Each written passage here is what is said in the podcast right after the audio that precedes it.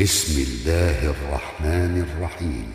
سبح اسم ربك الأعلى الذي خلق فسوى والذي قدر فهدى والذي أخرج المرعى فجعله غثاء نحوا سنقرئك فلا تنسى إلا ما شاء.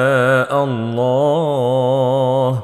إنه يعلم الجهر وما يخفى. ونيسرك لليسرى.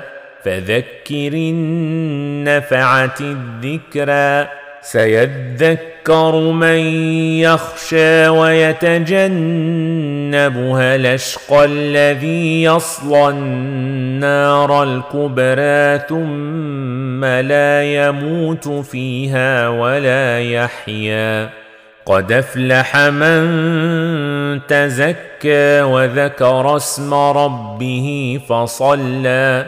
بل توثرون الحياة الدنيا والاخره خير وابقى ان هذا لفي الصحف الاولى صحف إبراهيم وموسى